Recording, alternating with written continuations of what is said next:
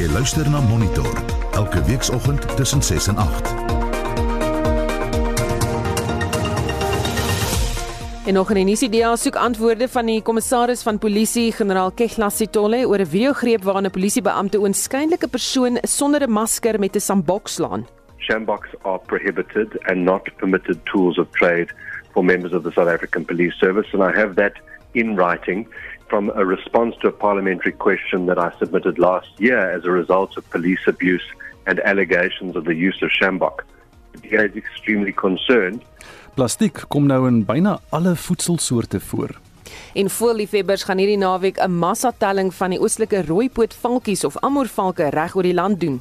Ek was self op so 'n paar ritte deur die Hoëveld en en ook in die Laagveld en in die Kleurwildtuin en dit op sigself was baie duidelik dat daar baie minder van hierdie valke in die omgewing is. En uh, ons sal daarom baie spesifieke versoek rig aan mense wat moontlik in 'n posisie is om ons te kan help.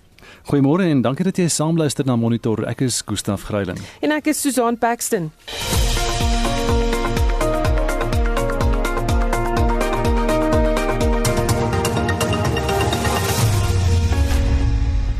Dis nou 12 minute oor 7 en ons kyk na die hoofnuus vandag wêreldwyd. Verskeie wêreldleiers insluitende die Paus het positief gereageer op die inhuldiging van Joe Biden as president van Amerika. Biden is 7 uur gisteraand Suid-Afrikaanse tyd as die Verenigde State van Amerika se 46ste president ingehuldig. Hy het in sy inhuldigingsrede gesê dat demokrasie die oorwinnaar in Amerika is. Ladies and gentlemen, the President-elect of the United States, Joseph Robinette Biden Jr., and Dr. Jill Biden.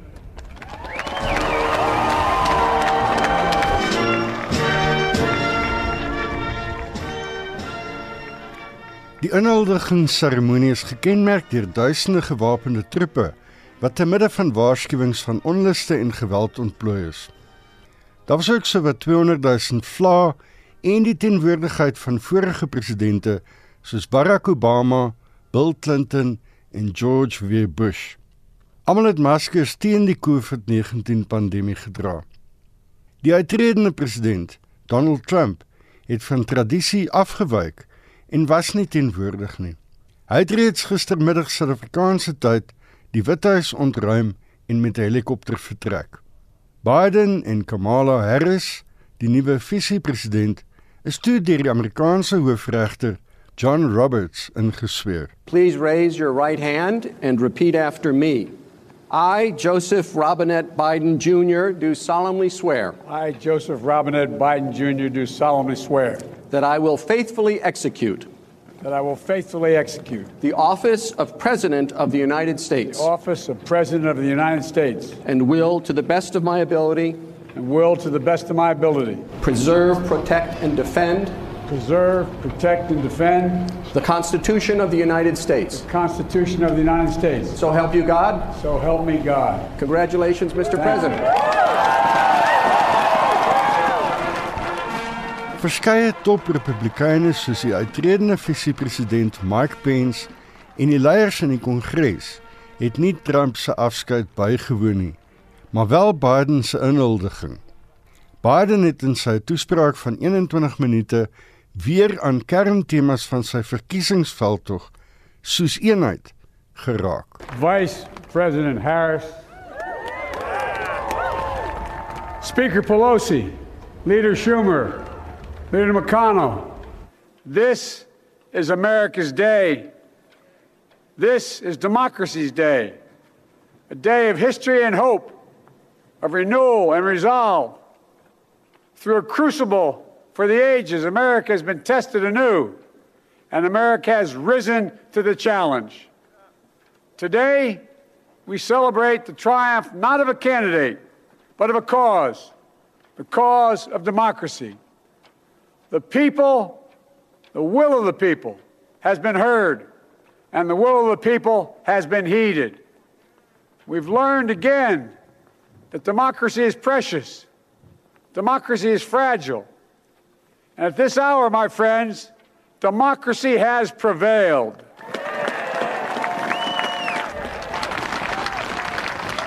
So now, few people in our nation's history have been more challenged or found a time more challenging or difficult than the time we're in now. once in a century virus that silently stalks the country. has taken as many lives in one year as America lost in all of World War II. Millions of jobs have been lost, hundreds of thousands of businesses closed. A cry for racial justice, some 400 years in the making, moves us. The dream of justice for all will be deferred no longer. A cry for survival comes from planet itself, a cry that can't be any more desperate or any more clear. And now, a rise of political extremism, white supremacy, domestic terrorism that we must confront and we will defeat. Thank you, America. En dit was die nuwe president van die Verenigde State, Joe Biden. Ek is Hendrik Martin vir SAK nuus. Nou ons bly by die storie en ons praat vanoggend met uh, die departement van die departement van geesteswetenskappe by Akademia professor Pieter Dievenage en hy het al die verrigtinge vir ons dopgehou en ons praat nou met hom vanmôre Pieter goeiemôre. Goeiemôre. Wat is jou algemene indrukke van uh, van Biden se toespraak? En voor ek kom by die die inhoud van sy toespraak, net die die atmosfeer wat afgespeel het daar in Washington was vir my fascinerend want gewoonlik is dit mos uh, jy weet ehm um, daar duisende mense, honderdduisende mense by Obama se inhuldiging tot self 'n miljoen wat daar afgestaan het. En hier was nou net vlaggies ja. en uh, my my algehele gevoel was dis amper 'n herdenkingsdiens. Jy het so gevoel gekry Precies, want gewoonlik ja. is dit ja. altyd 'n 'n opgewonde ding en uh, en dit het ook in sy natuurlik in sy die inhoud inhoud van sy toespraak afgespeel. Ja. So gepraat van daardie inhoud, wat was jou indrukke toe? Ehm um, natuurlik was die kwessie aansluitend by by die gevoel van 'n herdenkingsdiens die pandemie wat op die oomblik nie net in Amerika nie maar wêreldwyd verwoesting saai. En dan uh, die die punt soos ook uitgewys is uh, in, in julle klankgreep van die broosheid maar ook die sterkheid van die van die demokrasie en die konstitusionalisme, die belangrikheid van die konstitusie en dan natuurlik die tema van verenigdheid, uh, unity. Dit was vir my omtrent die slagspreuk uh, uh, in die inhoud van van sy toespraak. Die groot vraag is natuurlik het hy het hy alle Amerikaners met hierdie belangrike begrip van uh, dat Amerika weer by een moet kom, met verenig word, het hy alle Amerikaners bereik. Jy praat van 'n herdenkingsdiens. Daar was 'n baie sterk godsdienstige tema daarin gewees met die met die musiek en die toespraak en so aan baie sterk. Uh, ek dink is 'n baie goeie opmerking. Uh ook vroeër die dag, uh, ons weet natuurlik uh, daar's van tradisies afgewyk met die oorgee van mag.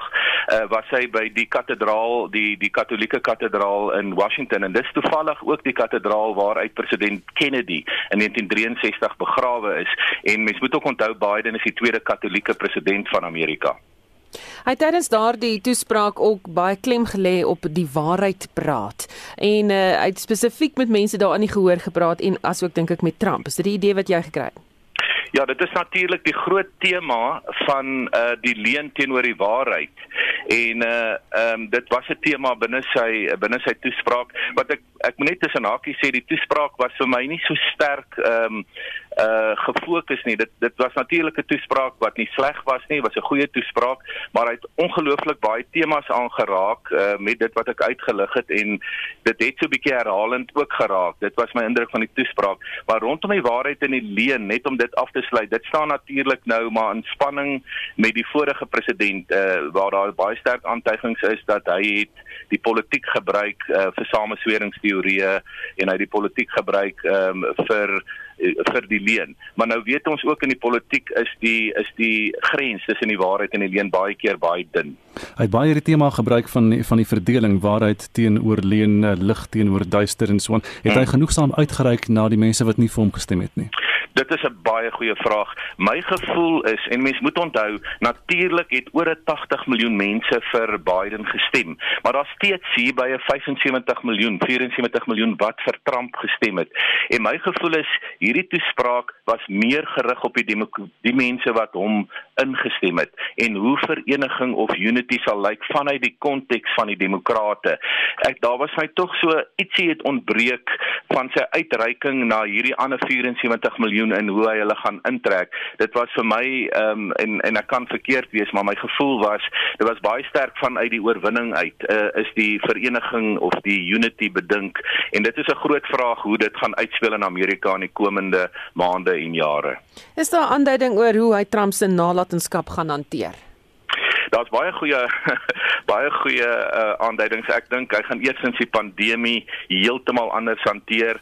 Ek dink die ekonomie gaan hy ook anders uh, as as as Trump hanteer en dan ook die interne spanning in in in Amerika gaan hy anders hanteer. So op al hierdie punte gaan hy dit anders hanteer en natuurlik ook wat sy buitelandse beleid aanbetref.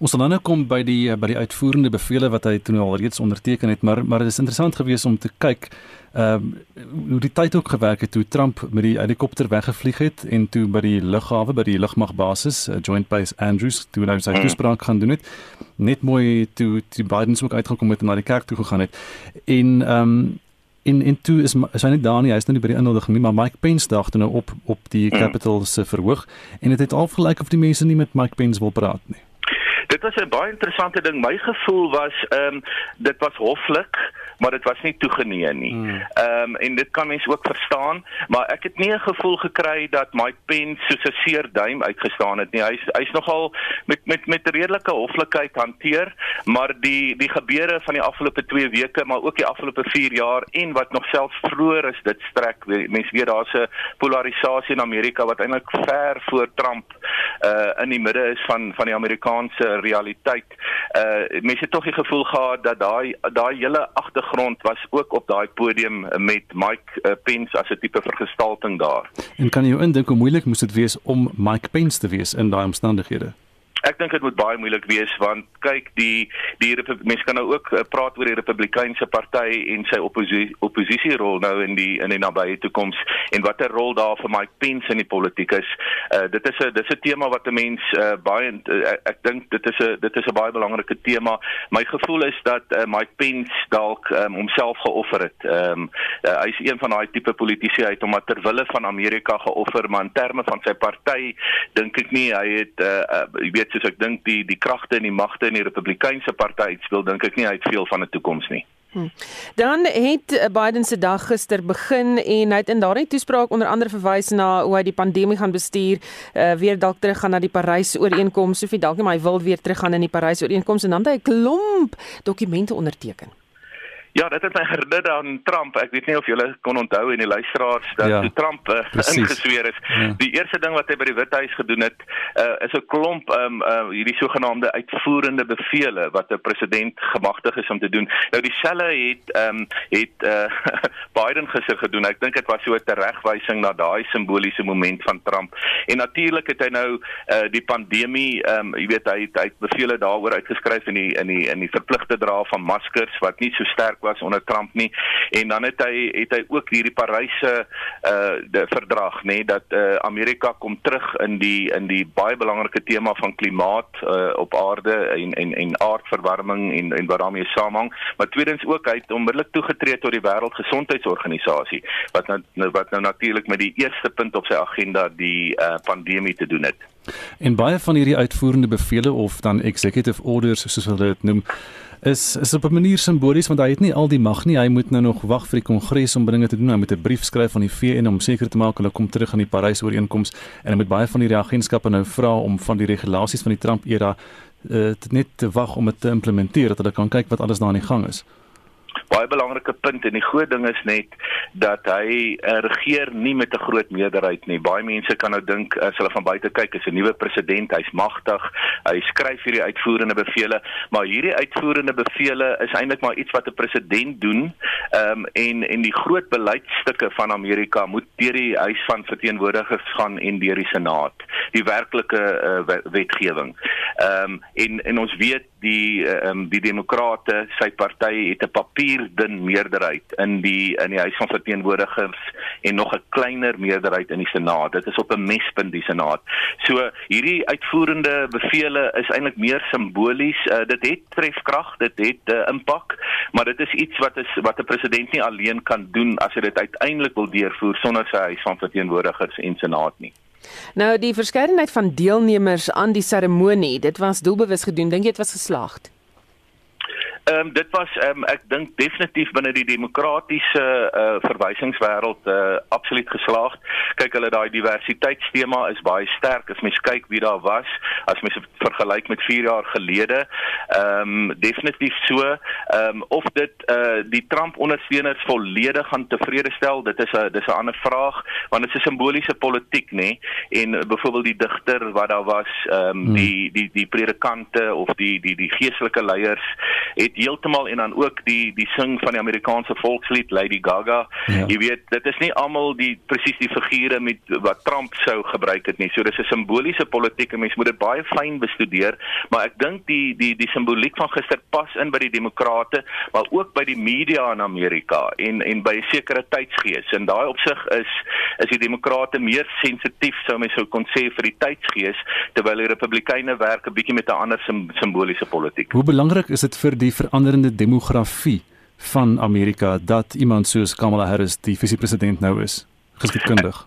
Ek dink dit is 'n dit is 'n uitvloeisel daarvan want mense moet onthou, ek het nie presies die syfers onder die knie nie, maar dat Amerika se demografie het ook die afgelope 4 jaar redelik geskuif. Ek dink waar ehm um, ehm um, wit Amerikaners ehm um, tot soveel as 80% was of die hoë 70s nog uh 4 jaar terug is dit teruggeskuif na na onder 70%. So daai demografiese verskynings definitief ehm um, het 'n het 'n impak. Uh maar ek dink dit het ook 'n impak met ehm um, weet die die tydsgees en daar is 'n bepaalde as mens nou kyk na die media en en en en films en uh kom ons sê maar die kultuur die kulturele wêreld van Amerika ehm um, het dit meer divers geword. Pieter baie dankie die dekaan van die departement van Geesteswetenskappe by Akademia, dis professor Pieter Dievenage. Jy luister na Monitor elke weekoggend tussen 6 en 8. Dis nou al 18 in die nuus, die openbare beskermer moet vandag in die Pretoria se Landdroshof verskyn op 'n klag van myn eet. Plastiek kom nou in bykans alle voedselsoorte voor literatuur oor mikroplastiek in water, in skaaldiere, in visse, in sout, in bier, in heuning, in suiker, feitelik elke vorm van kos wat ons inneem, het omvattend gekyk na baie van hierdie fasette van ons inname van mikroplastiek of nanoplastiek soos hulle deesdae van praat. En geen vertragings word voorsien met die bekendmaking van die matriekuitslae nie. Bly ingeskakel. Heinrich, jy is aan die woord. Ja, Susan oor misdaad en eh, die inperkingsregulasies spesifiek die aandklokreël en die verbod op drank. Morne van der Berg sê op Facebook moet ons nou antwoord. Ons voel dan almal soos kriminele as ons dit net naby die strand waag terwyl die misdadigers 'n fees in die binneland het want dieselfde polisie mag en nogal die weermag ook wat ongewapende mense op die strand kan boelie, weet nie hoe om plaasmoorde en voertuigkapings te stryd nie. Dani Jakob sê dit sal beslis 'n positiewe uitwerking hê. Minder drink, hy gebruik gebruik 'n kragtiger woord, dit gewoonlik minder baklei, minder ongevalle en minder ongelukke tot gevolg. Die druk op hospitale en mediese personeel word verlig. Dit verbeter ook mense wat nie weer daai kragtige woord kom ek sê maar drink nie, se kanse om in 'n hospitaal opgeneem te word met COVID. Die klaarkouse wil net drink, kan gerus ophou daarmee en op liewers ophou klaar en net 'n breek vat. Dan sê Tia Kotse de Tooi in reaksie daarop, ek hoop jy spaar Dani Jacobs daai geld wat jy nie op drank spandeer nie en gee dit vir die wat in die bedryf werk en nou sonder 'n sent inkomste sit en honger moet gaan slaap. Dit sal jou verseker die persoon van die lockdown maak. Ek is net voor 8 weer terug met nog terugvoer. So praat intussen saam op ons Monitor en Facebook en jammer Monitor en Spectrum Facebook bladsy of stuur vir ons 'n SMS na 45889 teen R1.50 elk.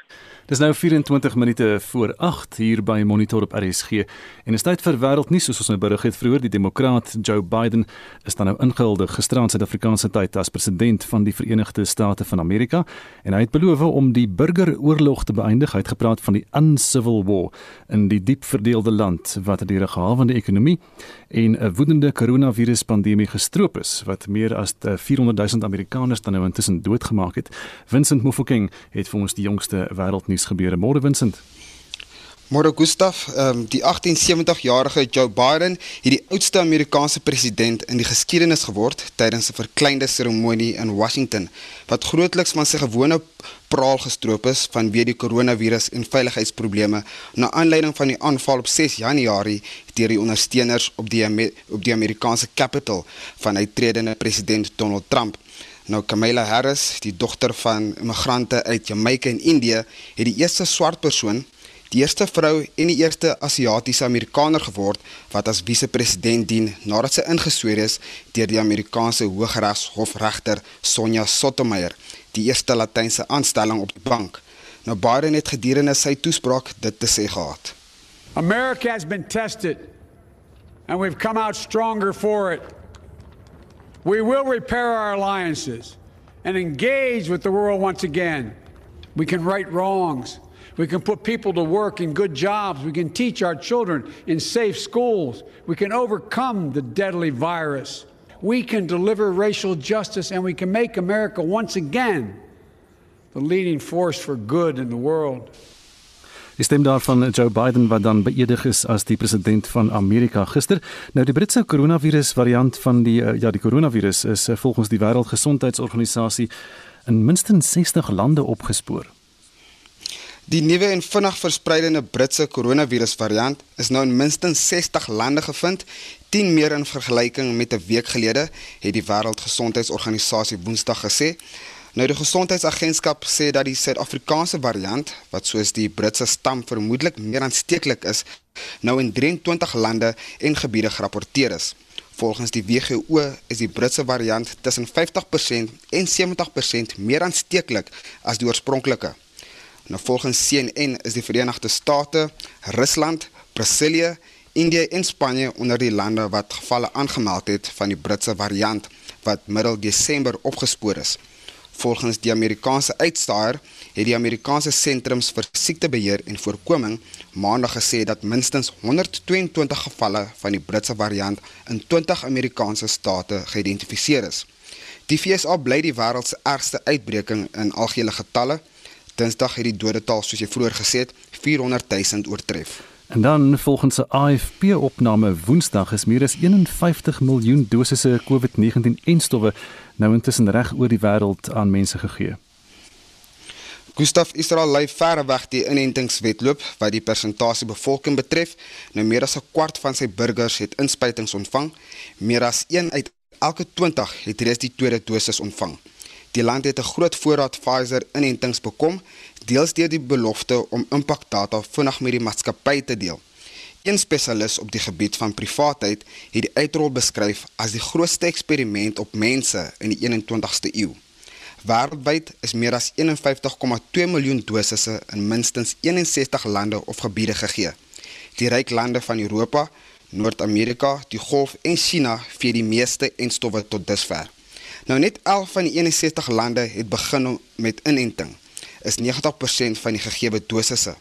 Groot Latyns-Amerikaanse Amerikaanse lande soos Brasilië, Argentinië en Mexiko het veldtogte geloods, maar op 'n stadiger tempo as ander streke. In Afrika het slegs die Seychelles met 'n veldtog begin, terwyl Guinea 'n loodsprogram met 'n enkele dosyne mense bestuur. Nou die Wêreldgesondheidsorganisasie hoop om teen die einde van die maand of vroeg in Februarie die eerste enstowwe deur middel van die COVAX skema te lewer om inentings met er, met meer regverdig uit te deel. En plaaslik is eh, pas ontdekte chemikalieë gevind wat 'n oplossing vir malaria kan wees. 'n Nuwe chemikalie is ontdek deur 'n navorsingsspan van wat malaria moontlik kan uitskakel. Nou die chemiese verbinding is ontdek deur navorsers deur navorsers aan die Universiteit van Pretoria. Suid-Afrika staan die toonaangewende land om malaria-eliminasie oplossings vir die vasteland van Afrika te vind. Dit was dan Vincent Mufokeng met 'n oorsig van vanoggend se wêreldnuus. Voëlliefhebbers beplan om die komende naweek 'n massatelling van die oostelike rooipootvalkies of amurvalke te doen reg oor die land. Kenners sê die voëls het baie lank geneem voordat hulle die jaar hulle verskyning gemaak het, maar dit wil voorkom of hulle getalle baie minder is as vorige jare. Die valk vlieg jaarliks duisende kilometers om die somer in Suid-Afrika te kom spandeer. Die programbestuurder vir aasvoëls in Afrika by die Trust vir Bedreigde Natuurlewe, Andre Botha sê, die valke speel 'n belangrike rol in plaagbeheer in Suid-Afrika. Ja, hulle het definitief aangekom, maar ek, ek dink die ehm uh, die kommerwekkende nuus is dat dit lyk asof in baie gevalle hulle nie in die getalle aangekom het wat ons wat ons so die afgelope twee drie dekades gesien het nie. So ehm um, dit lyk definitief asof daar minder voels uh, in ons ons deel van die wêreld is en, en dit is tog die gebied waar hulle hoofsaaklik nou die noordelike winter spandeer. Is nou hier op weet in Suidelike Afrika die Hoëveld en en van die Bosveld gedeeltes en dan in terme van die klein rooi valke ook natuurlik die Karoo tot sover as as ehm um, plekke soos Wellington en Swan in in die Weskaap. En uh die algemene inligting wat deurkom is dat in baie gevalle van hierdie slaapplekke nie meer aktief is nie of dat daar baie minder voëls teenwoordig is in hierdie gebiede. Ek was self ehm um, nou uh, op op so 'n paar ritte deur deur die Hoëveld en en ook in die Laagveld en in die Kleurwildtuin en dit op sigself uh, was was baie duidelik dat baie minder van hierdie valke in die omgewing is. En uh, ons sal daarom uh, is baie spesifieke versoekrig aan mense wat moontlik in 'n posisie is om ons te kan help en wat bewus is van slaapplekke wat wat hierdie valkies gebruik. Jy weet hulle gebruik gewoonlik uh, veral op die Hoëveld en in die Karoo gebruik hulle baie groot uitheemse bome en hulle kom bymekaar in redelike getalle elke aand net so nadat die son gesak het en voor dit behoorlik donker word. Vlieg hulle gewoonlik in hierdie omgewing en dan gaan slaap hulle in hierdie groot bome. En uh, ons wil graag hoor en en vir mense aanmoedig om om te probeer as hulle bewus is van sulke slaapplekke, het sy dit in dorpe is of ehm um, weet miskien op plase en so aan ook om uh, vir ons te gaan kyk en en vir ons 'n moontlike skatting te doen van die hoeveelheid valkies wat hulle sien en dan ook belangrik om te kyk na die verskillende soorte wat daar is. Ons kyk in hierdie geval na drie spesies, weet in die in die droër westelike gedeeltes hoofsaaklik in in in die Karoo en so aan hoofsaaklik maar klein rooi valke, maar daar is ook oostelike rooipoot valkies of amoervalke soos hulle bekend staan. Tussen hulle uh, soms en dan gewoonlik meer skaars is die is die uh, rooipoot valk wat wat uh, uit sentraal-Europa uit uh, in Afrika en afmigreer. Maar al drie van hulle is teenwoordig en as mense dalk net vir ons kan kyk Ons is natuurlik ook bewus van die beperkings uh en en die aanklokreël wat in plek is. Maar weet as die voëls hier teen 8 uur kwart oor 8 se kant uh reeds in hulle in hulle slaapbome is en dan is die telling verby en mense behoort nog steeds genoeg tyd te hê om veilig en en sonder voorval uh by by die huis te wees en en dan die inligting vir ons deur te stuur. So dit sal vir ons geweldig baie help as lede van die publiek na vore kom en en ons behulpsaam is met hierdie telling komende Saterdag. Julle sal met ander woorde dan ook vir hulle verduidelik hoe dit werk om hierdie valke te tel. Dit, dit is 'n redelik eenvoudige proses en natuurlik jy weet met die met van die groot getalle, jy weet daar's eh, van die slaapplekke in plekke soos Newcastle byvoorbeeld waar daar uh, die skatting is tot 20000 van hierdie valkies. So jy gaan nou nie noodwendig elke individuele voël probeer tel nie tensy dit 'n baie klein groep is. So ons werk maar gewoonlik op 'n op 'n skatting min of meer wat wat mense vir ons gee. Ehm uh, maar daar is 'n basiese protokol en inligting wat hulle wat hulle kan deurgee. Ehm um, ek kan nie die besonderhede gee van Rena Pretorius wat vir ons uh hierdie uh telling koördineer. Uh, sy is gebaseer in Newcastle by by een van die groter slaapplekke uh, op hierdie stadium en en sy koördineer nou al hierdie telling die afgelope 10 plus jaar. So sy het, het die protokols en die prosesse en so mense kan uh, kan touwys maak en en kan help in terme van hoe om dit te benader en wat om te doen.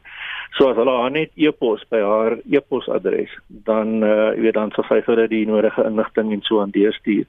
Dis Amoor Falcon Ringer, so dis nog 'n redelike lang een. Amoor is A M I R dan Falcon F A L C O N en dan ringer r i n g e r @gmail.com. So dis almal fucking ringer, dis alles een woord, daar's geen punte of spasies tussen tussen hulle nie. Uh dit is Rina se e-posadres en as hulle dan met haar kontak maak, sal sy vir hulle die nodige inligting en die protokols en so aan deurstuur en hulle kan natuurlik ook na die telling hulle tellings en skattings en so aan aan haar deurgee en dit sal dan verwerk word en uh, dit gaan ons 'n idee gee hopelik om agter te kom hoeveel van hierdie voëls wel hierdie jaar in ons omgewing was.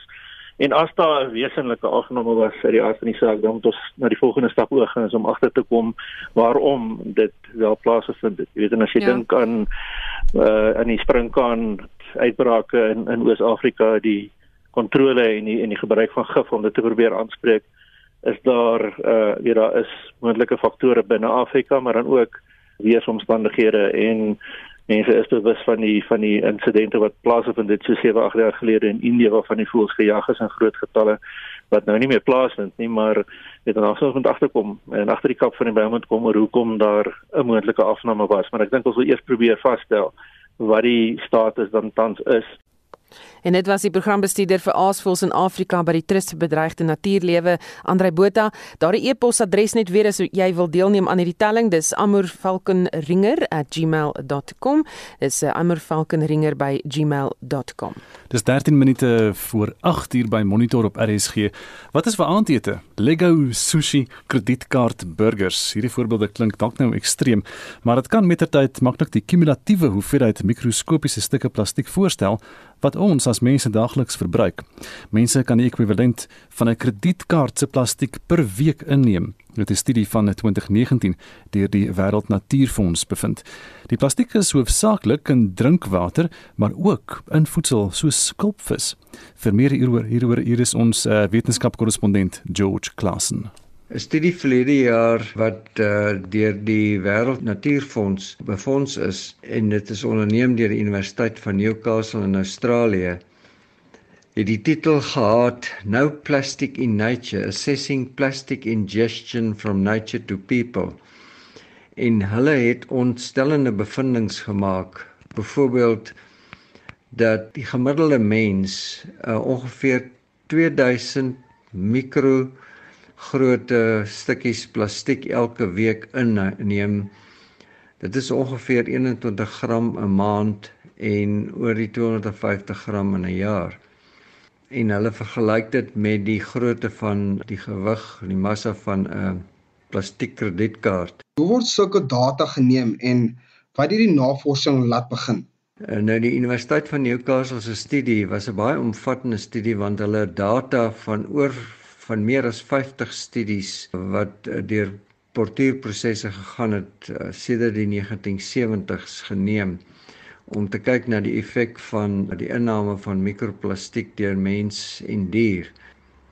Nou wat hulle onder andere gevind het is baie interessant en dit is 'n studie wat eintlik gespruit het uit die eerste marine studies wat in die 1970s gedoen is onder andere deur die wetenskaplike Edward Carpenter van die Woods Hole Oceanografiese Instituut wat toe al gespekuleer het in die 1970s dat die probleem baie erger gaan word en sy voorspelling was baie waar as ons kyk na die hoeveelheid plastiek wat deesdae in oseane is. Die literatuur oor mikroplastiek in water, in skaaldiere, in visse, in sout in bier, in heuning, in suiker, feitelik elke vorm van kos wat ons inneem, het omvattend gekyk na baie van hierdie fasette van ons inname van mikroplastiek of nanoplastiek soos hulle deesdae van praat.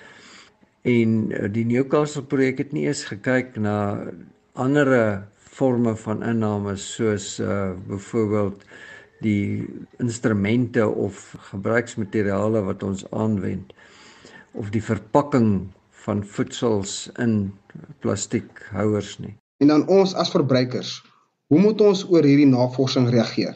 Wat die uh, studie baie duidelik beklemtoon het, is dat daar 'n baie aktiewe proses sal moet begin plaasvind.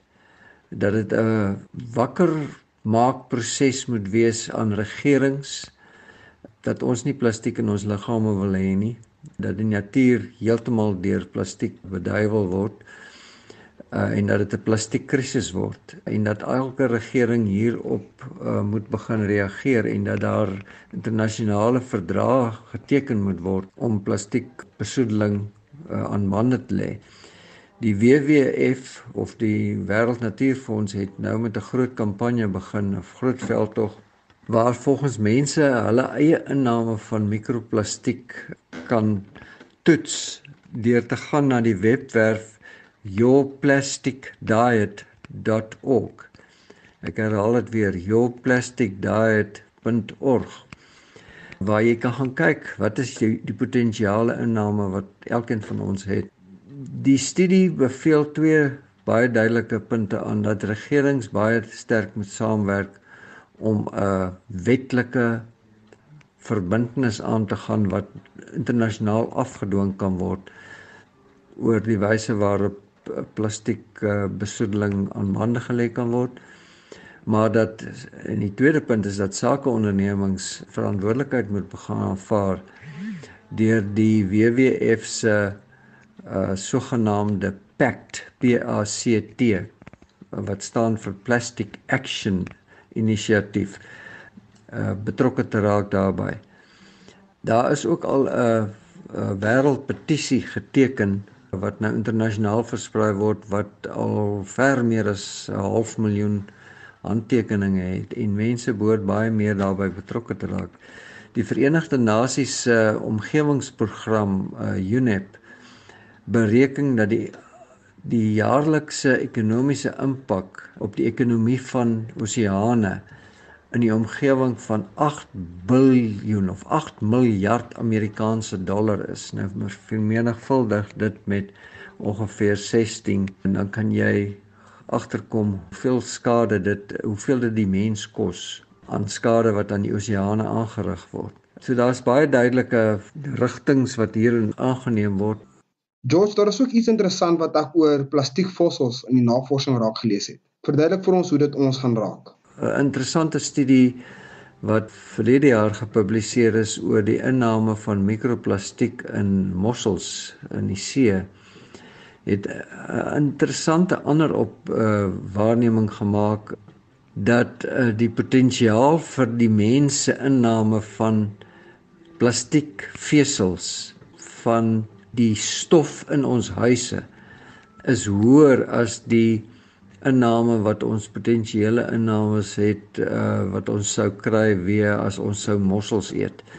So daar's nog geen finale antwoord oor hoe wesenlik groot die skade is nie, maar ons ons weet baie duidelik nou dat plastiek en die wyse waarop dit die voorlewe byvoorbeeld uh, daar's reeds bewys dat uh die suidelike oseaanse albatrosvoëls op groot skade 'n groot skaal benadeel word en en sterf aan die groot hoeveelhede plastiek wat in die oseane voorkom.